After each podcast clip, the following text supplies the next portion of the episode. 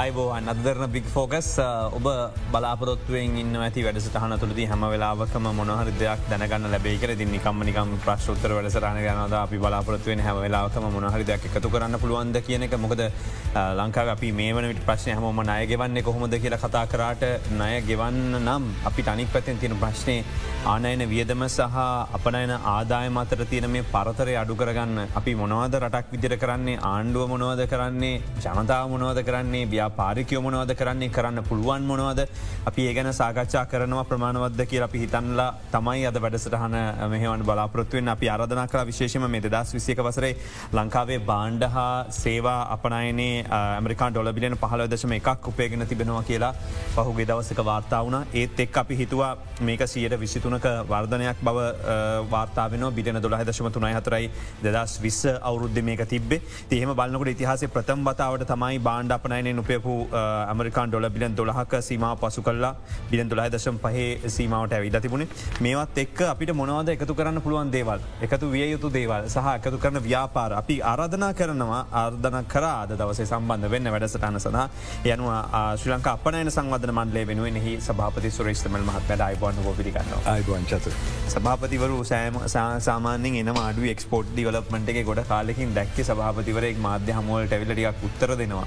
ඒක සතුරට කරුණක් ඔබතුමාට ඒක හින්දම ආරාධනා කරන්න ඇතිතුනේ මුලින්ම ලංකාව දැන් ගෙවිච්ච කොවිඩ් සිටුවේෂන් එක තියෙන ඉස්සරලා ගත්තොත්. අපි මූලික වශයෙන්ම ලංකාවේ වැඩිම ආදායමක් ලබපු අංශ මොනවද කියැන අපනය ආදමක් ලබපු අංශ මොනවද. විශේෂයෙන්ම ඇඟලුම් පොල් තේ රබර් පොල්. ඒ ඕඩර එකට තමයි තාමත් තියෙන්නේ අංගලුම් තමයි ඉස්රහම තමයි ගොඩක් ඉස්රහින්න ඕ. එතකොට මේ ඇඟලුම් ගත්තයන් පස් ඇඟලුම් ආදායම විශාල ප්‍රමාණ ඇතිවෙන නමුත් ගොඩදින ඇඟලුම් වලදි චෝදනාවක් කෙල්ල කරනවා. මොකද අපි ගොඩක් මිටිරියල්ස් කෙනල්ලා මිහිදී අගේ එකතු කරලා ආපහු යව්වට මේක තියෙන මාජින්න එක ඉතාමත් අඩු ප්‍රමාණයක්. ඒක ඇත්තටම ලංකාවට අගේ එකතු කිරීමක් වෙනවත් ලංකායි ප්‍රඩක්ස්වලට කියලා. එහක පිටිගන් පුළුවන්ද. වෙනම චතුර.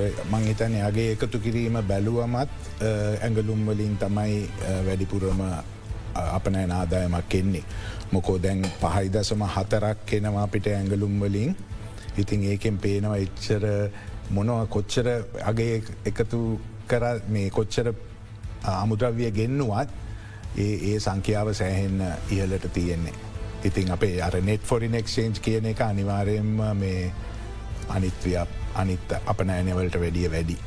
තොර ශ්‍රී ලංකා ආයෝජන මණ්ඩලේ යටත තියෙන ආයතනවල කර්මාන්ත ශාලාවල සියයට විසි තුනක වර්ධනයක් සිදු වෙලා තිබෙනව කියලා විශෂබරමාත්‍යවරය කිව්වා. තොර අපනයින ශේෂවේ ප්‍රධාන රජුදායකත්වයක් ලබා දෙන මේ ආයෝජන කලාපල තිබෙන ආයතනද. දැහැන අපනයනය සමත්ස්තයක් හැටියට ගොඩක් ඉතින් අර ඇඟලුම් කම්හල් භාගයක් විතර තියෙන්නේ. මංගිතනෑ සියට අසුවක්ත කොහෙද එන්නේ. ආයෝජන කලාපවල තියනේ වතමයි බියෝයි කලාපවල තියනේවයින් තමයි. උදාහරණය පිතර ගත්තොත් දැන් දෙදස් විසියක වසර වනවිට අපි දැකපු දේවල් ගොඩක් තිබෙන එකක් තමයි ඩොලරේ මිල ඉහලයාම මේ උච්චාවචනයන් සිදුවීම. මේක තමයි අපේ මේ ඉලක්ක ගත තත්ව ඇති වුණේ. එම නැතු අපි යවපු ප්‍රමාණය වැඩි වෙලා නැහැ කියලා කිව්වෝතින් එක නිවැරදිද. හරි ඒක ඒක හරි දැම් මේ අන්තිම දැ මේ අන්තිම අවුරුද්ධ වර්ධනයක් තිබිච්ච නැති වර්ධනයක් ඇතිවේගෙන යනවා කියලත් අපිට කියන්න පුළුවන්. අනිත් එක ටිකක් සම්ප්‍රදායෙන් පිට විදියට විශේෂයම රබර් පොල් ඊළඟට කුල්ලු බඩු ඒවා උක්කෝම වාර්තාගත අපනෑනයක් ඇති වෙලා තියෙනවා. ඇඟලුම් නං එක ලෙවල් එකේ වගේ තියෙන්නේ අර විස්සයි විස්සට වැඩිය හොඳට කරා අපි මේ අවුරුද්දේ ඉතිං අනිත් බාණ්ඩත් වෙළඳ පරවලුත් වෙනස් වේගෙන යනවා කියල පේනවා. ඇතරම ඊඩබ එක මොකක්ද කරන්නේ අපරන කරනට ඒගොල කර්මාන්ත හයාගන්න බිස්සස්වා ගන්න ඒගොල රට යවන ඔබතුමල මොකක්ද කරන්න මැදදල. එතකොට දැන් ඊඩබ එක ඉතා සම්සේ හැත්ත නමේ පිහිටුවේ කාලීදං පස්සේ අපනෑනයට අවශ්‍ය පහසුකම් ලබා දෙන එක තමයි ලොකුම කාර්යභාරය ඊළඟට අපනෑන ප්‍රවද්ධනය. ඒ කියන්නේ පිටරටවල් වල විදේශ වෙළඳ පළවල් වල වෙළඳ ප්‍රදර්ශනවල සහභාගිවීම හෙම ගොඩක් අපනෑන සංවධන මණ්ඩලයෙන් අවුරුද්ධෙන් අවුරුද්ධ කරනවා. ඒ වගේම සන්නාම දියුණු කරන එක අපේ බ්‍රෑන්ඩිං කරනේව දැන් අපි බැලුවොත් ලංකාව තියෙන ලොකුම අපනෑන බ්‍රෑන්ස් ඒවා EDP එකත් එක්ක තමයි දියුණුනේ. ඉතිං මේ ඒක තමයි මංහිතනේ ලොකුම කාර්යභාරය වෙලා තියෙන්නේ. දැන් පහුගිය අවුරුද්ධ ඇතුළත දෙ මට මට පේනිච්ච දේ තමයි අපි ගොඩාක් පහසුකං මේ මොකෝ අපනෑනකරුවන්ට ගොඩක් දේවල් තේරුනෙත් නෑ. මොකද වෙන්නේ? දැන් ඔය කන්ටේනර් හිංගිය ගැන වෙන්ඩ පුළුවන් ආනයනය කරන අමුද්‍රව්‍ය ගැන වෙන්න පුළුවන්. ඒව ඔක්කොටම අපි පහසුකං කොහොම හරි ලබා දුන්න. අර අපනෑනය සඳහා ආනෑනය කරන්න ඕන බාණ්ඩවලට ඒ අවසර ලබාගත්තා ඒවගේ දේවල් තමයි මේ අවුද්ධ අපනෑන සංවධන මණ්ඩලයෙන් වැඩියම කෙලතිය. දැන් අපි අපි එතකොට අපේ දේශීය සැපයුම් දාමවලට උපදෙස් දෙන එකත් අපේ අතින් කෙරේ. මොකෝ සැපයුම් දාම අපි සකස් කරන්න ඕනේ විදේශ වෙළඳපලට ගැලපෙන්. අර නිකම්ම නිකං අපි මේ බාණ්ඩයක් නිෂ්පාදනය කරා කියලේ එක අපනෑනය කරන්න අපහසුයි. දැන් එන්නේ එතන තමයි මං හිතන්නේ මේ වෙලාවේ අපනෑනය වර්ධනය වෙන වෙලා විශේෂයෙන් අපි සුළුහා මධ්‍යම පරිමාණ ව්‍යාපාර දියුණු කරන්න හදන වෙලාවේ දැනුම ලබා දෙන එක අපේ ලොකුම කාර්යභාරයක් වෙලා තියෙනවා. දැන් ඒවට වේදිකා ඇතිකරගන්න එක තමයි මේ වෙලාවේ මට තියෙන ලොකුම අභියෝගය. මොකෝ අර මේ සම්බන්ධකං ඇතිවෙන්ට ඕනේ. කියන අපිට ඇත්තෙම්ම සුළු හමධ්‍යම පරිමාණ ව්‍යාපාරිකය එක්ක වෙන්ඩ පුළුවන් මේ ගොවි මහත්තරු එක් වෙන්න පුළුවන්. දැන් ඒගොල්ලොම ඉසල්ල ව්‍යවසායකින් කරලා ඉන්න වෙලා තියෙනවා අපිට. මොකෝ අර වෙළඳ පොළවල් අඳුරලදෙන් අර ඕකේ අන්තිමේට කියන්න තියෙන අර හැමදේම හැම එක්කෙනටම අපිට විකුණන්ට බෑනි. ඉතින් ඒව තේරුම් කල්ල දෙන එක තමයි දැන් ලොකු කාර්යභාරයක් වෙලා තියෙන මේ අපනෑනය පුළුල් කිරීමේදී. දැන් මේකේ දැ කොපමන විතර සෙස් බද්දක් ඔබතුමල්ල ලබාගන්නවාද. බිල්ලියන පහක්නේ අවුරුද්ධකට බිලියන ගැන ප්‍රතිශතයක් විදිර ගත්තොත්? සියට එකක්නේ එතවට දැන් රජය අමාත්‍යවරු පවා එල්ල කන චෝදනාව එක්ස්පෝට් කරනවා ඔක්කොම කන්න මිනිසුන්ගේ සල්ලිටික් ගන්නවා සෙස්සක ගන්නවා කරන දෙයක් නෑ මේකෙන් කියලා. ලොහු ආදායමක් ගන්න ඕන අවුරුද්ධක ඔව ඒක අප නෑන සංවර්ධනය සඳහා ලොකු ආදායමක් ගන්නවා තමයි ඒක අපි කැමතිී දැන් ඇත්තෙම අපි නිර්මාණය කරන්න ඕන බණ්ඩාගාරයට විශ්වාස කරන්න පුළුවන් හොඳ අර රිටර්නොන් ඉන්වස්මන්ට් එකක් තියෙන ඔප්පු කරන්න පුළුවන් ව්‍යාපෘති. එතන තමයි මංහිතන්නේ බණ්ඩාගාරයත් ගොඩ පරෙසං අපිට සල්ලි දෙනකොට මොකෝ මේ විශේෂයෙන්ම සුළුහාමධ්‍යම පරමාණ ව්‍යාපාර දියුණු කරන වෙලාවේදී අපිට ලොකු අවධානමක් ගන්න වෙලා තියෙනවා. මොකෝ ලොකු වැඩ පිළිවෙලා කරන්න අපිට අර සම්පත් සීමිත කොටත් ඒකන්නේ මානව සම්පත් සීමිත කොටත් ගොඩක් අභියෝග තියෙන ඉතින් මං ඒකට විසඳුමක් හැටියට ඇත්තෙම දකින්නේ අපි ආයතන ඔක්කොම එකතු ඒක බද්ධ වුණොත් එහෙම දැන් අපනෑනයට සහය දෙන්න අපිට ඉන්න කෘෂිකර්ම දෙපාත්තමේන්තුව තියෙනවා අපනෑන කෘෂිකර්ම දෙපාත්තමේන්තුව තියෙනවා කාර්මික සංවර්ධන මණ්ඩලය තියෙනවා මේ අමාත්‍යංශ ගොඩක් ආයතන ගොඩක් තියෙනවා. ද අපි ඔක්කොමල අපේ අපේ මානව සම්පත් විශේෂයෙන්ම එක්රැස් කරගත්තොත් එකට පෙළගස්ස ගත්තොත් මේව කරන්න ගොඩාක් පහසු වෙන බතුම අන්දුරගෙන තින එක ප්‍රශ්නයක් කියලා. මං ඊළඟ ප්‍රශ්න හන්න දහෙම තමයි. දැන් පොල් සංවර්ධන අධිකාරය ඉන්න ඊට පස්සේ තේ සංකන්දමන්න ද මේම ගත්තම මේකොල කියන අපි බාණ්ඩවර්ග හැටක් අගේ එකතු කරනවා කියලා. හැටක හැටකට හැත්තෑවකට ආසන ප්‍රමාණය පොල්වල ගත්තෝති. තේවල තව ප්‍රමාණයක්. එතකොට විවිධය ගත්තයන් පස්සේ අගේදාම එකතු කරන වැඩසටහන් කරන කෘෂිකර්මාංශ නවී කරන ව්‍යාපෘතිය කියලා ඒ අය වෙනම එකතු කරනවා. දැන් ඔබතුමල අපනයන සංවර්ධන මණ්ඩලේ විදිහට ඔබතුමල්ලඟ තියනවද මොනවද අගේදාම එකතුන ප්‍රඩක්ස් කියලා ලංකාව මොනවද යන්න කියලා දැන් මේක වෙබ් එකට ගියත් සමහර වෙලාවට ඔක්කොමටි අපිට දකින්න බෑන.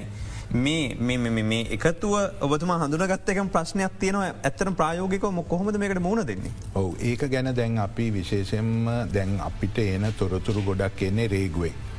කස්ටම්සකින් එතකොට ඒකේ ඔය මේ අපි කිව්වොත් චෙස්කෝඩ් කියලා තියෙන ඒචෙස්කෝඩ් කනුව තමයි අපිට මනින්න පුළුවන් මේ බඩු අගේ එකතු කරලාද නැද්ද කියන එක. ඉතින් ඒ තොරතුරු තාම පැහැදිලි නෑ පැහැදිලි මදි. එවනට අපිට දැන් හිතාගන්න පුළුවන් මේ පොල් පොල් කාලයක් තිස්සේ අගේ එකතු කරපු ඒක නිකන් අමුද්‍රවයක් හැටියට රැටින් පිට ගිය අඩුයි. ඉතින් හුගක් වෙලාට පොල්වල තමයි අගේ මං හිතන වැඩියම එකතු කරන්නේ. දැන් මේ මෑතක දීන රබ රබර් ගොඩක් වේගෙන් දියුණු වෙනවා. මොකෝ ඒක මේ අගේ එකතු කිරීම බොහොම ශීග්‍රයෙන් සිද්ධ වෙනවා. ඒ පේනවා ඉතින්. දැන් අපිට නොපෙනෙන දෙයක් තමයි දැන් මේ කුළු බඩු දැන් කුළු බඩු අපි පැක්කරලා මේ හරියට අපනයනය කරන එක ඉතාමත් වැඩගත් මොකෝ අපිට ලෝකයේ හොඳම කුළු බඩු තියෙනවයි කියලා දැන් ලෝක අඳුරගෙන තියෙනවා. ඉතින් ඒ හින්දා මේ වෙලාවේ අර කුළු බඩ්ඩු තොග විදියට යවන්නේ නැතුව පැකට් කල්ලාගේ එකතු කල්ල යවන එක තමයි විය යුත්තේ මං මේනික උදාහරණයක් ඇටේට විශේෂයෙන්ම කියන්නේ ඒ ඒවා තමයි අපිට පේන්නේ දැන්. දැන් උදාහරණයක් විදිර දැ මේ හැම දෙයක්ම ඔබතුමල්ලා උදව් කරනවා එන්න අයට කියනවා හැබැයි එතනින් එහාට මේ අලවිකරුවා සහ ගැනුම්කරවා ඒකා බද්ධ කිරීමේ වැඩසටහනෙදී. විශේෂෙන්ම මේ ඉන්න අය එමනත ඩේට බේස්වල ඉන්න කට්ටිය පිළිගත්ත අයද. ඒ අය කෙලිම සම්බන්ධ කරන්න පුළුවන්කමත් තිබෙනවාද. දැන් ගොඩක් වෙලාවට අපනන සංවද මන්ලේට එනවට වඩා අපි දකිනවා චීන වගෙන වෙන වෙන බඩවිවලින් තමයි මේ දෙන්න මුණ ගැහෙන්නේ. ලංකායි මේ වගේ ෆලට් ෆෝර්ම් එකක් නැති එක එහෙම ලොකු ප්‍රශ්නයක් නේද. ලංකාවේ තියෙනවා චතුර අපේ කට් මට පෙනිල තියෙන විශේෂම සුළු හමධ්‍ය පර. ලොකු ලොකු පරිමාණයේ අපනයනකරුවන්ට ගැටලුවක් නෑ. ඒගොල්ලො ගොඩත් දේවල් කරනවා. ඒගොල්ලෝ අපෙන් උපදෙස් ගන්න හරි අපෙන් උදව්වක් ගන්න එන්නෙත් අලුත් දෙයක් කරන වෙලාවට තමයි. අලුත්දේකට ප්‍රවර්ධනයක් කරීකට ප්‍රමෝෂණ එකක් කරන්නේ ඒ වගේ දේවල්වලට තමයි හුඟක් වෙලාවට ලොකු ව්‍යාප. ඇබැයි අර සුළු හමධ්‍යම පරිමාණය ව්‍යාපාරිකයෝ අපි යොමු කරන්න ඕන ඔය වෙබ් අඩවී පාඩන් කරන්නයි ඒව තේරුම් ගන්නයි වෙළඳ පළවල් අඳුනාගන්න මොකෝ ඒ ඒ අර වියවසායක කරන්න ඕන කොටස තවත් වැඩිපුර කෙරෙන්න තියෙනවා අපේ අපේ සුළු හමධ්‍යම පරිමාණ අපනයන කරුවන්ගේ. අපි දැනුවත් කිරීම් සම්බන්ධයෙන් කතා කරනවා වගේ ඔබතුමන් සඳහන් කරාමේ බ්‍රන්ඩිං ගැන. එතකොට ලෝකයේ සමහර රටවල් ඒ ඒ දේවල් එක වෙනම බ්‍රන්ඩිං කල තියෙනවා නේෂන් බ්‍රන්ඩිං එක වගේම ඒ සෙක්මන්ස් එගොලු අරගෙන ගිහින් තිබෙනවා. තොට අපිට ඔබදමල්ල ආයතනයක් විදිර මොනවද බලාපොරත්ව නිසරහට අපේ වෙනම බ්‍රන්ස් ලෝකට ගෙනියන්න පුළුවන්ය කියල මොනවද හඳුනගෙන තිබෙන්නේ. අනිවාරයම දැන් අපිට පේනවා අපේ කෘෂිකර්මාශ්‍රිත අගය එකතු කරපු දේවල්ලේ කියන්නේ ෆුඩ් ප්‍රිපෑඩ් ෆුඩ් එකන සකස් කරලා තියෙන ආහාර දවී. ඒවට ලොක වෙළඳ පලත් තියෙන ඇතින් ඒවගේම කුළු බඩුමන් ගලින් කිව වගේ කුළු බඩුවලටත් විවිධ වෙළඳ පළවල් හැදීගෙන යනවා. දැන් ඔය කෘෂිකර්මය වැඩියම වැදගත් අප නෑන වෙළඳ පලේ කාබනික කෘෂිකරන එක තමයි හොඳම සන්නාමය රටට ගන්න පුළුවන්. දැන් මේ අතිකර ජනාධිපත්තුමා මේ කාබනික ගොවිතැන ගැන ලෝකෙට ප්‍රචාරය කරපු වෙලාවෙන් අපිට හරි ධනාත්මක සන්නාමයක් හරි බ්‍රෑන්් එකක් ඇති වුණා ලංකාවට මේ පිරිසිදු ආහාර රටක් කියල දැන් ගොඩ දෙනෙ අපි දිහා බලාගෙන ඉන්නවා දැන් අපේ අපෙන් බඩුගන්න කැමැත්තෙන් ඉන්නවා හැබැ රිවස් කරන්න. ඒක ඒත් අර කවුරු තඳුරගත්තේ නෑ ලංකාවේ දැන් ඇත්තෙම්ම ලොකු කාබනික ගොවිතැනක් ලංකාවේ තියෙනවා. අපිට දැන් ඉඩිබ එක රෙජිස්ට වෙලා සහත්ති කලත් ගොවි මහත් පවුල්ඉන්නවා දොළොස් දාහ කාබනික විත කාබනික විතරක් ගොබවන ගොවිය. දැන් ඊළඟට මේ අපනෑනකරුව ඉන්නවා තුන්සිය පණහා. ඉතින් ගොඩක් කවුරුදු දැන් තිහක් තිසේ දැන් මමත් කාබනික කුළුබඩු අපනෑනය කරන කෙනෙක් ඉතින් ඒ වගේ ගොඩක් ඉන්නවා. ලෝකේ කාබනික ගෙවත්ත කියලා මේක බ්‍රෑන්් කරන්න පුළුවන් දැන් ඒම කරන්න පුළුවන් දැන් දවරන ජනාධිපතුම ගත්තේ අපසට වස් කර ඊට පස්සේ දැන් කාබනික යනවද නැදකින් ප්‍රශ්ක තියෙන. තර වන ගොයි මහත්මන මිඩක් ලබේද කියලා එක පැත්තක ප්‍රශ්නයක් තියෙන. වන්න ඕන මොනවද කාබනික කියලා ප්‍රශ්නයක් තිබෙන. ගන්න ඕන සහතික මොනවද කියල ප්‍රශ්නයක් තින සහතිකේ ගාන වැඩි ඒකැන සාමාන්‍ය ගොයි මහත්තයකුට මේ කියන සහතිගේ මේ ක්‍රමවේද ගන්න බෑ. මොනවද අඳුනගත්ත ශේෂ්‍ර අඳුනගත්ත දේවල් අපිට තව කරන්න පුළුවන් දේවල් මොනවද සභහපතිවර විදිර හැවූති. දැන් අපේ මේක ලේසි වැඩක් නෙමේ ඒක පලවෙනියම කියන්න ඕන ලේසි වැඩක් නෙමේ දැන් අනිත් එක ගොඩක් අය එකතු වෙන්න ඕන මේ වගේ දෙයක් කරනකට මොකො මේක ලොකු වෙනසක් කරන්න විප්ලවකාරී වෙනසක් ඇති කරන්න ඕන ජන ජනපතුමා පැහැදිලිවම කිව්වා මේකට උනන්දු වෙන්න අපි ඔගොලොන්ට සහය දෙන්නම් කියලා. එතකොට මේ උනන්දු වෙන්න කියන්න ඉතින් උද්ඝෝෂණ කරන එක නෙමේනේ. නේද.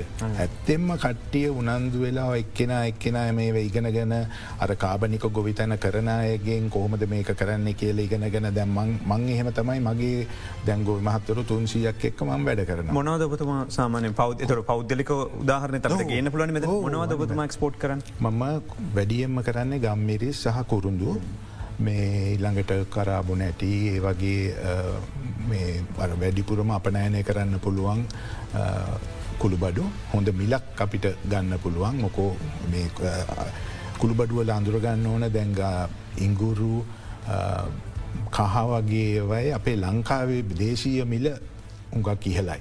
තකොට අපිට විදේශ වෙලඳ පලේ තරග කරන්න අමාරු එකන ට අඩුවට හදනය එක ඉන්දියාවන් රටල් අඩුවට හදනවා. හෝ ඉතින් ඒවා අපි විදේශ වෙලඳ පොල පුරුදු කරගන්න ඕන අපේ තත්ත්වයට ඒකට මේ කරන්න ඕන. දැන් දැන් ලංකාවට විශේෂම මේ ආවේනික දේ තමයි අපේ කුරුදු. දැන් ලෝක බැලඳ පල්ලේ ටරූ සිනමන් කියලා කියන එක ඇත්ත කුරුන්දු කියලා තියෙන්නේ සියට අසුවක් ලංකාවේ. කැසිය ඔක්කෝ ඉතින් ඒ ලංකාවේ කුරුදු ගොඩාක් අර කැසියවලට වැඩිය හොඳයි කියලා එක ලෝක දන්නවා. දැන් වැඩේ වෙලා තියෙන්නේ අපි ඒක අගේ එකතු කරලා මේ ඉහල වෙළඳ පළවල්වලට දානවා මදි. දැන් දැනට ගත්තත් දැම් විශේෂම මේ සගන්ධ ඔයිල් තෙල් නිෂ්පාදනය මේ වගේ දෙවලට වඩා අපි දකිනෝ ලංකාවින්න ව්‍යාපාරිකයෝ ගණනාවක් ඔබතුමා කියන විදිහටම කන්ටේන විශාල ප්‍රමාණයක් එකතු කරලා සම්පූර්ණ ලෝඩ් එක පිටිං යවනවා. එතකොට මේක දැන් අපනෑන සංවධන මණ්ඩේ විදිට ඔවුන් දැන් අපි ගත්තොත් ප්‍රධාන පෙළේ තුන්දන හෝ හතර දෙනෙක් තමයි මෙතන ඉන්න මාකට්ක ලොකෝට ඉන්න. ඒ අයට බැයිද මේක සම්බන්ධෙන් අපනෑන සංවධන මල්ලට ඔක් කරන්න පවා මේක කරන්න මෙහම ගලයිම ඒ අයත් එක කතා කරලා ඊනඟ ලෙවල් එකට එක ගෙනියන්න. ඒක තමයි දැන් කරන්නේ අපි අත්තෙම ගොඩා කුණන්දු කරනවා ඒක කරන්න දැන්ගල් ගොඩක් ගැටලුත් මතු වෙලා තියෙනවා හුඟක් වෙලාවට කුළු බඩු ගත්තොත් කුළුබඩු එන්නේ අපිට මේ පොඩි ස්මෝල් හෝල්ඩර්ස් ලගින් කුඩා පරිමාණිපලවල් වලින්නේ එතකොට ඒ වෙලාවට අර තත්ත්වය පාලනය කරන්න හරි ගැටලුවත් තියෙන. ඉතින් අපි ලොකු මෙහෙවුමක් දරන්න ඕන තත්ත්ව පාලනයට. එතකොට සහතික ලබා ගැනීමට. මොකෝ ඒවයින් තමයි අපිට හොඳ අගයක් එකතු කරන්න පුළුවන් මේ පලවෙනියෙන්ම කුළුබඩු ගොඩක් කාබනිකයි කොහොමත්. මොකෝ ගෙවතුවල එහෙම තෙල් ගහන්නේ නෑ. ගනිත කුළුබඩුවලට තෙල් ගහන්න ඕන්න මන්දැන් ඒ පෙරේද දැක්ක රේඩියෝ එක කතා කරනවා මේ කහවලට මේ පොහොර දැම්ම කියල. ඒකකෝ මං අහලවත් නෑ කහවලට පෝරදාන කතාවක්. ඉතින් ඇත්තෙම අපි කව කහවලට කෘමිනාශක දාන්න ඕනත් නෑ පොහොර දාන්න ඕනත් නෑ. ඉතින් ඒ වගේ අපි ගැලපෙන තැනක ගැලපෙන දේවල් දැන් ඔය ගෙවතුවල සාමානයෙන් ගැලපෙන දේවල් තමයි අවලතියෙන්. ඉතින් ඒවා අපි තත්ත්වය පාලනය කරන්න තියන්නේ ප්‍රෝසෙසිං එක සැකසුමේදී. මොකෝ එතනදී අපිරි සිින්දු වතුර පාවිච්චි කරොත් එතකොට ඒවගේ දේවල් තමයි දැන් අපි දියුණු කරන්න ඕනේ කුළුබඩුවලට අගේ එකතු කරන්න. උදාහරණයක් විදිර දැම් මේ දැන් එන්න සල් වගාව මේ වගේ දේවල් දිගු කාලීනව සිදු වනත් දැන් දැන් තරමක් අත්තරල තියෙන දේවල්. දැතට මේ වගේ වැඩි අගේදාම එකතු කිරීමක් කරන්න පුළුවන් කියලා තියෙනවා. නමුත් ඒ සඳහා ප්‍රමාණවත් දේවල් ලැබෙන එක තාක්ෂණය ලංකාව තිබත් එක්කො ගෙනල්ලා මෙහි අගේ එකතු කල්ලා පොව යවීමට අවස්ථාවක් නෑ. මේක තියෙන ප්‍රතිපත්ති මේ ප්‍රශ්නද තියෙන්නේ ලංකාව? හමනත්තන් කොතනද හිරවෙන දැන් ඔන්න මං හිතන්නේ චතුර මේ මාව මගේ අහන ප්‍රශ්නයට මට තියෙන මගේ මටත් තියෙන ලොකුම ප්‍රශ්නය එකයි දැන් අපේ ලංකාවේ පලසුර පලතුරු සහ එලවලු. සීයට පණහත් නාස්ති වෙනවා. පසු අස්වනු තාක්ෂණය යොදන්න ඇතිහින්. හරි? අප්‍රවාහනය වෙන්න පුළුවන් බාන්්ඩ මොනාද ව්‍යහවුස් වෙන්න පුළුවන් ස්ටෝරේජ් ඒ වගේ දේවල් දැන් අපි සීත කරනයනේ අර ෆ්‍රීසිං ඊළඟට ඩීහයිඩ්‍රේතින් එකැන වේලනේවා ඒව හරියට කරා නං ඔය පළතුරු අපිට මේ ආරක්ෂ කරන්න පුළුවන්. ඉතින් තාමත් ඇයි මේ පුද්ගලිකාංසයෙන් ඒවට ආයෝජනය කරලා නැත්තේ ඒක මට ලොකු ගැටලුව. නමුත් දවහතුම හිතන ප්‍රීසිං එක අපි ගත්තොත් ඩියයිඩ්‍රේට එකයි පිසිං එක සාමාන්‍ය විදිහට කරන අය අපි දකිනවා ගෙනල්ල ලවලු කපලා පලතුරු අරගෙන මෙ කරනු හැබැයි පැකට් එක හැදුවම කරවිල ගත්තත්. පෙල්ඳපොලි විකුණන්න පුළුවන් ගාන ලංකාවිතිතා ඉහල මිලක් නෙමේ කියන ගානත් එක්ක. ඒවා කරන්න කොහොමද? දැන් උදාහරනකද තායිලන්ත වගේ ගත්තොත් අපි දකිනවා කලරකත් එක්ක ෆ්‍රීසිං ගස්ල බුගත්තත් අනි දෙවල් ගත්තත් පලතුරු ඔක්කොම තියෙන නමුත් මෙහ ඒක කරහම ඒක මාකට් එක නෑන. ඒ තෙවට අර ගන්න සෙස්සකෙන් අනි දේවල් වලින් බැයිද ඔයක මොහරි ජනතාවට දැනුවත් කිරීමක් මොහර ඒවගේ දෙයක් කරන්න. ඒක බැලන්ස එකක් තියෙන් ඕන. චතුර දැම් වැඩේ වෙලා තියෙන්නේ අපි අපට අයන සංවාධන මණ්ඩලේ මේ විශේෂ දෙයක් තමයි අපි කරන ඕනෑම දෙයක් අපනෑන කරුවෙක් එක්ක ගැටගහගෙන කරන්න ඕනේ. ඒක ඒක මං හිතන්නේ වෙනස් වුනොත් තමයි අපිට පාඩු විඳින්න වෙන්නේ මොකෝ අපි යම් කිසි දෙයක් නිශ්වාදනය කල් එවරල්ලා ඒ අපනෑන කරගන්න බැරිවුණොත් ලෝකමාරුවක වැටෙනවා. ඉතින් ඒම කරනකොට එතකොටේ අපනෑන කරුවගේ උනන්දුව තියෙන් ඕන්නේ අගේ එකතු කරන්න. දැම්මන් ඇත්තෙම ගොඩා කපනෑනකරුවොත් එක මේක තරක කරනවා. එන්ඩ අපි එකතු කරමු. මෙය පැකේජිං වෙන්න පුළුවන් ස්ටෝරේජ් වෙන්න පුළුවන් පෝස්ටාවස් ටෙක්නෝලජි වෙන්න පුළුවන් ප්‍රෝසෙසිං වෙන්න පුළුවන්. ඒවට දැනුම අපි එකතු කල්ල දෙන්න. ඒක ඉඩිබියකට කරන්න පුළුවන්. ඒ ඒක කරලා කොහොම ඊළඟ මට්ටමට යන්නේ? දැන් ඇත්තම චතුර ගොඩ දෙනෙක් කරනවා. මේක කරන්නේ නැතිකට්ටිය ඒ ඒ උදාහරණය අපිට බෙදාගන්නත් පුළුවන්.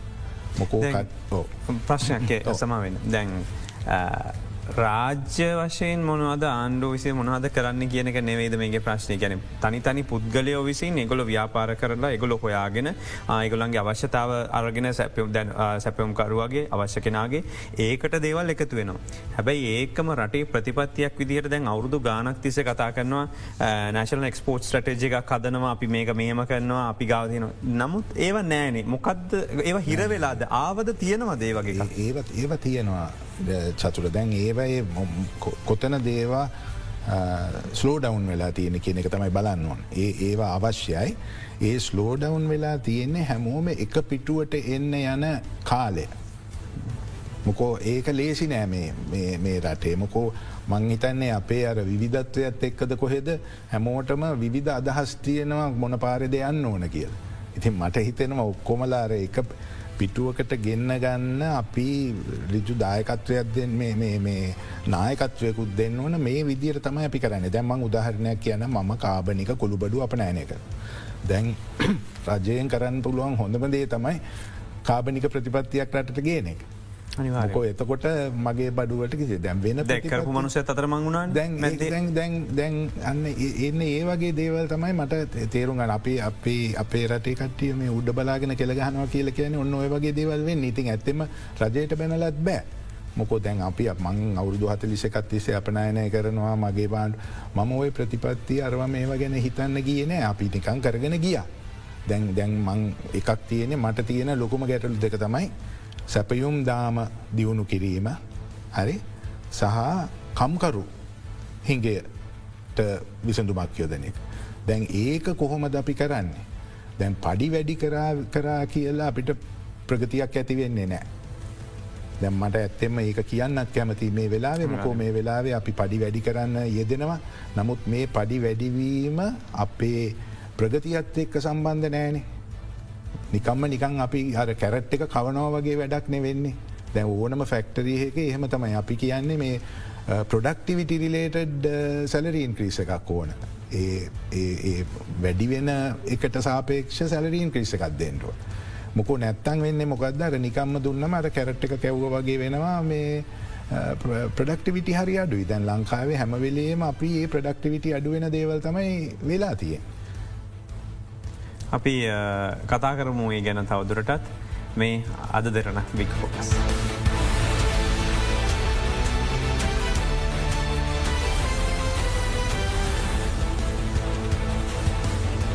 ඔයාලිත් හද දෙන්න බික් ෆෝගස් සමඟ එකතු වෙන්නේ. කෙසේ වෙතත් අපි සාකච්ඡා කරමින් ඉන්නේ අපනයන සංවාධන මණ්ඩේ සභාවත්තුමා සමඟ මේ සිදුවන අප අයනයන් පිළිබඳ. දැ ශේෂ්ත්‍ර වශයෙන් ගත්තම් ඔබදුවගෙන් පෙරත් මේ ප්‍රශ්නය වදම් ගියවුරුද්දේ දැන් මේ ප්‍රගතිය ලබාගන්න මොනවද දායක විච්ච ශේෂත්‍රයන්? එකැන කැපී පෙන්න්න වර්ධනයක් මොනවගේද දක්වලතින් තුට ඒයාශ්ිත ශේෂත්‍රවලට පුළුවන්වේ අපේ අගේ එකතු කරන්න සැපම් කරුවන්ට ට්‍රෙන්ඩ එක තින් හිටන ට්‍රෙන්ඩ එක විදිට යන්න පුළන්ගේ මොනවද ශේෂත්‍ර. චතුර ඒක අපි පලවෙනියෙන්ම වාර්තාගතයව ටික බැලුවොත් ලොකු අපනයන පලවෙනියෙන්ම පේන්නේ රබර්. රබර් වල දැන් විස්සයි විසයකයි අතරෙත් වර්ධනයක් තිබිල තියෙනවා සියට තිස් හතරක. ඒක ලොකු ලොකු වර්ධනයක්. දෙවනියෙන් මේ අගේ එකතු කිරලි තියනවද රබවල? කියන විශේෂෙන් ගත්තැන් පස දැන් අපි දැක් මාකට එක ොප්පුනා දැන් අවුදු දෙකට තෙරිස්සල්ල එතකට කට්ටිය අයින් වුනා මේකින්. එතකට ඉස්සරහට තේම් වෙන්න පුළුවන්ද? නැත්තන් අපි මේ අගේ එකතු කරලද මේ ආදායම ගෙනත්තිය. ඔව. මේක අගේ එකතු කරලා ගෙනල්ල තියෙන අපි ඉදිරියටත් ඒක අගේ එකතු කරන්න තව වැඩි කරගන්නේ කොහොමද කියලා දැන් එක ක්‍රමවේද ගැන හොඳ කල්පනාවෙන් වැඩ කරගෙන යනවා. මන්දන්නවා අපේ ප්ලාන්ටේෂන් මිනිස්ත්‍රියකින් තමයි රබර් ආශ්‍රිත ඒවා ගොඩක් කරන්නේ. ඉතින් ඒගොල්ලොන්ගේ ලොකු උනන්දුවත් තියෙනවා ඒ රබරාශ්‍රිත ව්‍යාපාරයට ඒකතු කරන විදියට කරන්න. අනිත්ත අපිට ලොකු ෆැක්ට්‍රි තියෙනවනේ.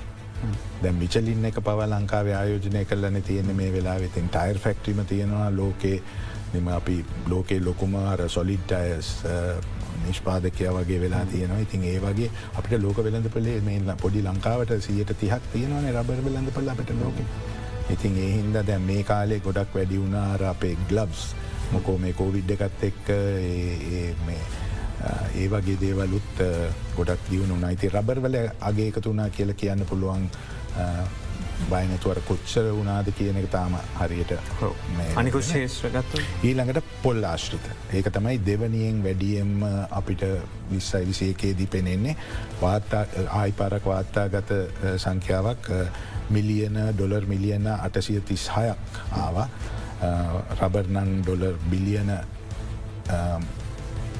එක්කයි දසම නමේ දෙකක් තිබුණා. එතකොට නෑ ඩොලර් බිලියන එකයි දසම එකක්.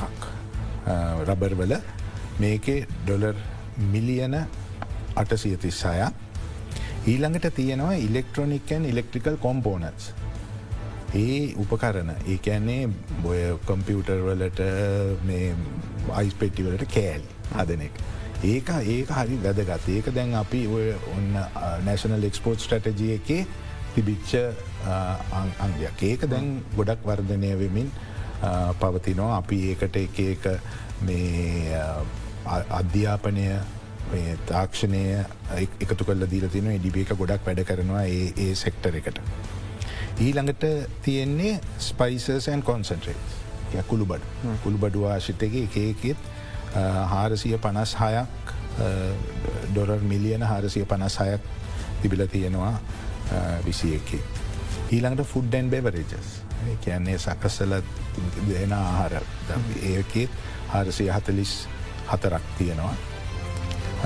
ඊළඟට මුහුදු සීෆූඩ් සීෆූඩ් එකෙත් තියෙනවා දෙසිය හැත්ත හතරක් ඒකත් වාර්තා ගත සංඛ්‍යාවක් අනිත් එක මේ ඕනමෙන්ටල් ෆුස් විසිතුරු මසු අපනෑනය කරන එක. ඒකත් වාර්තාගත් වෙලා තියනවා. සියට හැටක වර්ධනයක් තියෙනවා මේ අවුරුත් ඉතින් ඒක ලොකු අවශ්‍ය අවස්ථාවක් අපිට.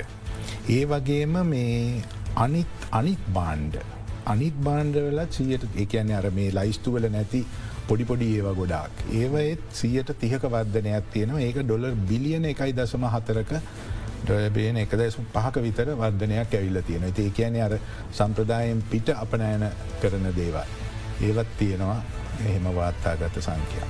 උදාහරණයක් විතර දැන් ඔය එකේ අඳුනගත්ත ශේෂ්ඨ එකැනින් ගොඩක් තියෙනවා. සාමාන්‍ය ජනතාවට වැඩි දායකත්වයක් දක්වන්න පුළුවන් වැඩි ආදාමක් ගන්න පුළුවන් ශේෂ්ත්‍ර. තොට ඒ අංශ තුළ ජනතාව දැනුවත් කරන්න අලුතෙන් ව්‍යාපාරක වසෑකත් මනසක්තින ඕන කෙනෙකුට එන්න පුළුවන් ශේෂ්ඨ කියන්න බැයිදේ ගැන දැ විසිතුරු මසුන් කර්මාන්තය වගේ ගත්තොත් ඉක්මනට මේක ගොඩදාන්න පුළුවන් ශේෂත්‍රයක් ලංකාවේ. ඒවගේ මොනවද තව පොඩි පොඩි වශයෙන් තින කර්මාන්තාංශ. ඔව දැන් අපි කර්මාන්තංශ තියනෝ කෘෂිකර්මය තමයි ඉතින් වැඩිපුරම තියෙන්නේ ඊළඟට දීවර ව්‍යාපාරයේ. එතකොට ඒ දෙක ගැන විතරක් අපි කතාකරොත් අපි දැම් පටන්ගන තියෙනවා අපනෑන සැකසුම් ගම්මාන සංකල්පය. දැන් මේක ඉස්සරින්දන් තිබිච්ච එකක් නමුත් මේක වඩා පුළුල් විදියට අපි කරන්න හදනවා ඒක මේ අප නෑන කරුවෙක් එක්ක හරි අපනෑනකරුව කණ්ඩායමක් එක්ක ඒකාබද්ධව යන ගමනක්. එතකොට ඒ අපනෑනකරුවට අවශ්‍ය තත්ත්වේ නිෂ්පාදනයක් ඇතිවෙන විදියට තමයි මේක නිර්මාණය වෙලා තියෙන්. ඉතිං දැන් අපි පුළුවන් තරන් උදව් කරනවා අපි අප නෑන කෘෂිකර්ම දෙපාත්තමේන්තුව ඒකතු වෙලා කෘෂිකර්මය දේවල් කරන එතකොට කර්මාතා මේ කර්ම කාර්මික සංවධන මණ්ඩලය ඇත් එක්ක කරනවා. ඒ කාර්මික සැකසුම් ගම්මාන වගේ ඒවා. ඒක ඒ ක්‍රමයෙන් අපිට පුළුවන් වේවි කියල විශ්වාස කරනවා. අර කණ්ඩායමකගේ තත්ත්වය ඉහළ නංවන්න. අපි මේ ශේෂත්‍ර තුළ දැන් කැපිපෙන වර්ධනය පෙන්නුම් කරපු ශේෂ්‍ර ගන ඔබතුමා සඳහන් කර. ඒවගේම දැන් කර්මාන්ත කරුවෝ විදිහට ඒ අයට ව්‍යාපාර කරන්න ව්‍යාපාර ආරම්භ කරන්න සුදුසු පරිසරයක් තියෙන්න්නට ඕන. නමුත් අපි ලංකාවේ දැ මේ අමස්සාවේදී ගොඩක් කර්මාන්තකරුව කියන දෙයක් තමයි අපි ඩුම් බිස්නස් ඉන්ඩෙක්සක ඉන්නේ ගොඩක් පහල ට ඒගුලන්ට ආයෝජක හිටියොත් ලංකාවට එන්න කැමැත්තක් නෑ රටේ තියෙන ආර්ථික තත්වය බලපාලා තිබෙන විශේෂම බැංකු ශේෂත්‍රය සම්බන්ධ. ඒවට ඔබතුමාලගේ ප්‍රවර්ධන වැඩසටාන් හෝ වෙනත් දේවල් සිද්ධ වෙනවද ලෝකය තුර අපේ ප්‍රෑන්් එක තවදුරටත් ශක්තිමත් කරන්න ගන්න ක්‍රියාමාර්ග බොනවාද. ඔහු දැන් විශේෂයෙන්ම මේ ඉස්සරට ගොඩාක් වැඩියෙන් අපේ විදේශ තානාපති කාර්යාලත් එක්ක අපි කිට්ටුවෙන් වැඩ කරනවා. එහේ අපේ කමර්ශල් ඔෆිසර්ස්ලා ඉන්නවා තානාපතිවරුත් බොහොම කිට්ටුවෙන් සම්බන්ධ වෙලා ඉන්නවා එහ වෙළඳ ප්‍රදර්ශනවල ඊළඟට ඔය B2B මීටිංස් ඕගනයිස් කරන එකැන බිස්නස් කියන බිස්නස් එකට තියෙන සම්බන්ධකං ගොටනගෙන එක ඒක දිනපතා අපිට තියෙනවා පිටරටවල් එක්ක ඒ සම්බන්ධකං වදනය කන. අනිත් එක මේක අවස්ථාවක් වෙලා තියෙනවා විශේෂ අවස්ථාවක් වෙලා තියෙනවා මේ කෝවිඩ් එකෙන් පස්සේ චතුරමකෝ මේ සූම් තාක්ෂණය. කො සූම් තාක්ෂණයෙන් අපිට පුළුවන් වෙලා තියෙනවා ලොකු සංඛ්‍යාවකට මේ අපේ මේක දැනුම ලබා දෙන්න මං උදාහරණයක් හැටියට පාවිච්චි කරන්න කැමති දකුණු චීනේ වෙළඳ පලක් එක් අපි සම්බන්ධ වෙච්ච වෙලාවේ දොළොස් දාහක් සම්බන්ධ වනා වර්ජුවලි ඒකට මාර්ග ගත විදියට ඒකට. ඉතින් ඒ වගේ සංඛ්‍යාවකට අපිට ලංකාව ඉදිරිපත් කරන්න පුළුවන් අවස්ථාවල් තිය නොදැන් ඉදිරියට ඊටත් වැඩි මොකො දැන් වෙළඳ ප්‍රදර්ශන පවා මේ විඩියෝ තාක්ෂණයෙන් කෙරෙනවා. ති ඒක ලොකු අවස්ථාව. ඒ වගේම ඒ දැනුම අපිට මේ ගොවි මහත්තරුන්ටයි සුළුහමධ්‍යම පරිමාණ ව්‍යාපාරිකයුන්ට දෙන්න පුළුවන් අනිත් පැත්ත. ඒ ඒගොල්ලොන්ටත් දැන් ඒ දැනුම ලබාගන්න පුළුවන් දැන් අපි ඒගොලොන්ටත් පුරුදු කරන්න ඕන මේ මාර්ගගත ක්‍රමවලින් දැනුම වර්ධනය කරගන්න. දැන් ඉස්සර අපි වෙළඳ ප්‍රදර්ශනයකට ගිහිල්ලත එම අවුරුදු හත ලිස්ස එකක් මගේ අපනෑන ව්‍යාපාරය ඒ කාලේ අපිට ෆැක්ස්වත් තිබුන්න ටෙලෙක්වලින් තමයි ලියුමක් එමරිකාවට ගිහිල්ලන්න මාස තුනක් ගත්තා. එහෙම එතකොට වෙළඳ ප්‍රදශනයකට කිය නැත්තන් අපි මෙලෝදයක් දන්නේ නෑ අපේ බාන්ලේ ගැන. අද ඒ තොරතුරටි ඔක්කොම මේ ස්මර්ට් ෆෝන් එක තියෙනවාන. ඉතින් අද අපිට මේක මීට වැඩි අර දැන් ඒ දැනුම ලබාගන්න හැටි අපි කියල දෙන්න දැන් ඒක තමයි මගෙත් ලොකුමනාවත් තියෙන මං මේ ගිය සුමානෙත් මං යාපනය ගියා. යාපනය අපේ සංවධන නිලධාරිත් එක කතා කරල ඒගොලොන්ට කියන්න ඒ පැත්තේ ඉන්න අප නෑනකරුවන් අපිට සම්බන්ධ කරලා දෙන්න මේ විඩියෝ තාක්ෂණය. මොක එතකොට මේ ඒගොල්ලෝට කොළඹ එන්ඩ අවශ්‍ය නෑ අද. ඒගොලොන්ට ඒ විඩියෝ තාක්ෂණයෙන් මාත් එක්ක වුණත් කතා කරන්න පුළුවන් අපිට ගොඩාක් තොරතුරු ඒගොලොන්ට ලබා දෙන්න පුළුවන්. ඉතින් ඒක ගැන තමයි අපි දැන් වැඩිපුරම වර්ධනය වෙන තවත් EDB එකේ වෙනසක් අපි කරපු එකත් තමයි දැන් මේ කෝවිඩ් එක කාලෙත් ගොඩාක් පහසුකන් අපිට සපයන්න වනානේ දැනුම ලබා දෙන එකයි. එතකොට මේ එක නීතිරීති ගැන කතා කරන එක. තොට කර්ෆි පර්මිට් ගන්න එක වැක්සිනේෂන් ගන්න ඒව ඔක්කොටම අපි දැන් අර හෙල්ප් ඩෙස්ක් කවුලු අපි දාහතරක් ඇල්ල තියෙනවා හැම බාන්ධසා සේවා අංශවලට එතකොට කට්ටියට ඉක්මට තොරතුරු ලබාගෙන ඒවට විසුඳුම් දැන් මට අවශ්‍ය වෙලා තියෙන්නේ රටේ කට්ටිය අපිත් එක්ක එකතුවෙන්. අපි කියල දෙන්නම් කොහොමද ඒ වෙළඳ පළවල් එක්ක සම්බන්ධ වෙන්නේ කිය. හරි දැන් වැදගත් දෙයක් තියෙනවම හුඟක් වෙලාවට කට්ටිය මොකක් හරි බාණ්ඩයක් අපි කියමකු කුරුඳු ටිකක් කියල් එතොට අපිට කියනවා කුරුඳු වෙළඳ පලක් හොයල දෙන්න කියල්. දැන් කුරුදු ටික් ගැනල කුරුදු වෙල්ලඳපල හොලා දෙනෙ. දැන් එතකොට EDB එකට වෙන්නේ දැන් අපි කියමකෝ වෙළඳපල තියෙනවා කියලා දැන් කවරු හරි අපිට කියන කුරුදු ටිකක් ලංකාවෙන් ලබා දෙන්න කිය දැන් එතකොට අපනෑන් සංවධන මණ්ඩලයෙන් ඉල්ලනකොට ඒගොලු යම්කිසි සාතිකයක්නේ බලාපොරොත්තුවෙන්.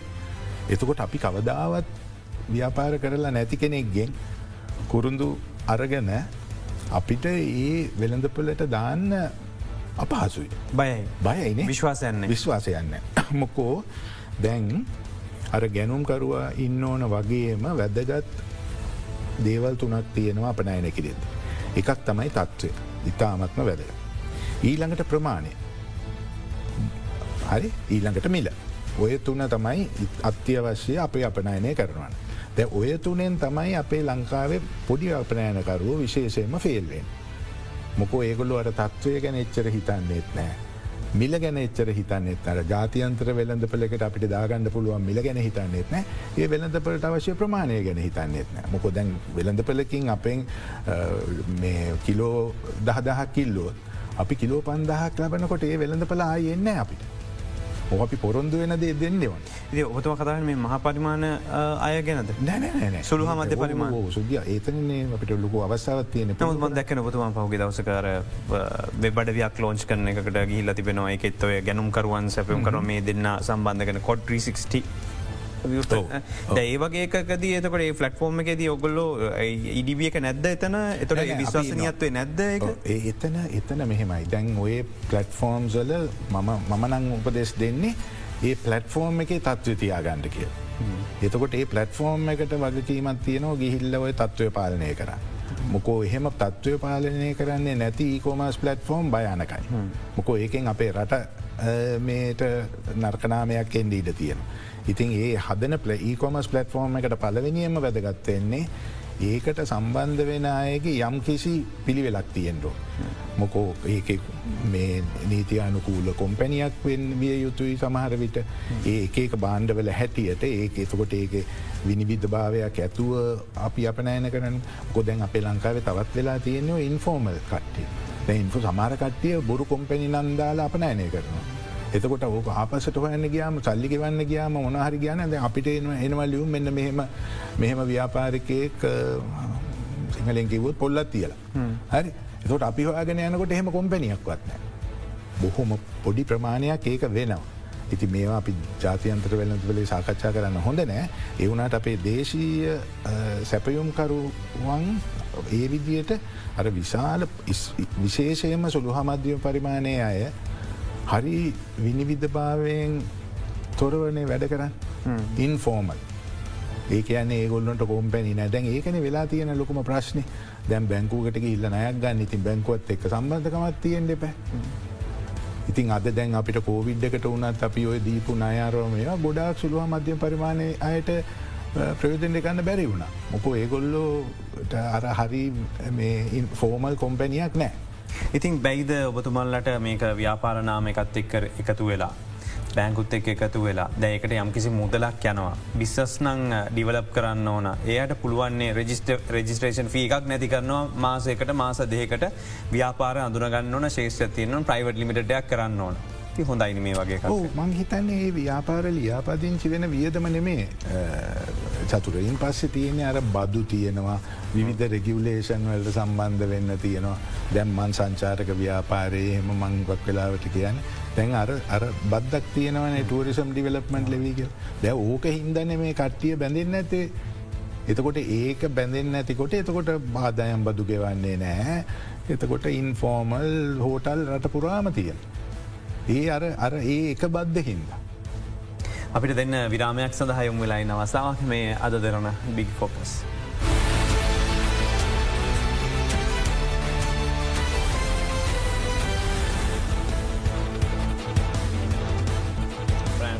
මන්ලේ සභාපත්තුමා අපිත් එක් එකතුලා ඉන්න අද සුරේෂ්මල් මහත්මය අපි සාකච්ඡා කලේ මොනවද අපිට ව්‍යාපාර විදිහට ලංකාවට තව සල්ලි හදන්න පුළුවන් කියරල් අඩුගාන මේ වියදමයි ආනයන වියදමයි අප නාදමතර මේ පරතරය අඩු කරගත්තොත් මොනහරි අපි ඊළඟ ෆිල්ම්මකට යන්න පුළුවන්ද කියලා. තොට දැන් උදාහරණයක් වගේ දැන් ලංකාවේ බොහෝ දෙනෙකුට විවසායකත්ව මනසක් නෑ බිස්සස් කරන්න අයිඩිය එකක් නෑ අපිට එඩියුකේෂන් එකෙත් ඒක ලැබිලනයි. ඉතින් සමහරවෙලාට උන්නට සමහරය ගිහිල්ල කරන ව්‍යාපාර තමයි සාර්ථක වෙලා තිබෙන්නේ. දැන් එහෙම කරන ව්‍යාපාර තෝරගත්ත පිරිසක් ඉන්නවා ඒ අය හැමදාම එක්ස්පෝට් එකට යන්නේ නැහැ හැබැයි කාටහරි සප්ලයි එකක් කරගෙන ඉන්න කට්ටිය. ඒ කට්ටියව බැයිද මෙතැන්ට තල්ලු කරන්න අඩු ගන්න තෝරගත්ත පිරිසක් හරි හදන්න කොටසක් ඉස්සරහට ගේන්න. ඒක ඒක වෙනවා චතුර දැන් අපි ගොඩ දෙනෙකුට උනන්දු කරන්නේ ඉස්සෙල්ලා ඒ දැන් අපනෑන කරන කෙනෙක් එක්ක එකතු වෙලා සම්බන්ධ වෙලා අපනෑනය කරන්න. ඊට පස්සේ තමන් තත්ත්වය හෙම ගතකට ඒ ඒ අර ඒ අපි සපිපුවක් කෙනත් එක්ක තරඟ කරන්න යන් දෙපා අලුත් වෙළඳ පලක් හදාගෙන ඒ අලුත් වෙළඳ පලකට බඩු දාන්න. ඒක තමයි විය යුත්තේ. දැන් අපි අපි අපි කාගෙන් හරිගෙනගෙන යාගේ බඩට ගහන එක හරිගක් වෙලාවට වෙන්නේ. එතකොට අර අතරමැදිත් එතකොට කැමති නෑනේ සම්බන්ධ වන්න පොඩිය ඇත් එක් මොක කවදහරි පොඩිය ඒගේ වෙළඳපල ගනී කියල හිතන දැන්න්න ඒවතමයි පොඩ්ඩ වෙනස් වෙන්න ඕන. පොඩ්ඩ නෙම ගොඩක් වෙනස් වෙන්න ඕන. මොකොේ විශ්වාසය ගොඩන ගන්න ඕන මටනං කිසිම ප්‍රශ්නයක් නෑ. ඒ සැපයුම් මේ කියනේ දැන් ලංකාවේ ගොඩක් ඉන්න බයස්ලා. එකන ඒගොල්ල ලංකාවට ඇවිල්ල කටේනර් පුරොල්ල බඩු අරිනවා. නිකන් අර එක්ස්පෝට් හවස් ට්‍රේඩිං හවස් එකක් වගේ ඒක කිසි ප්‍රශ්නයක් නෑ.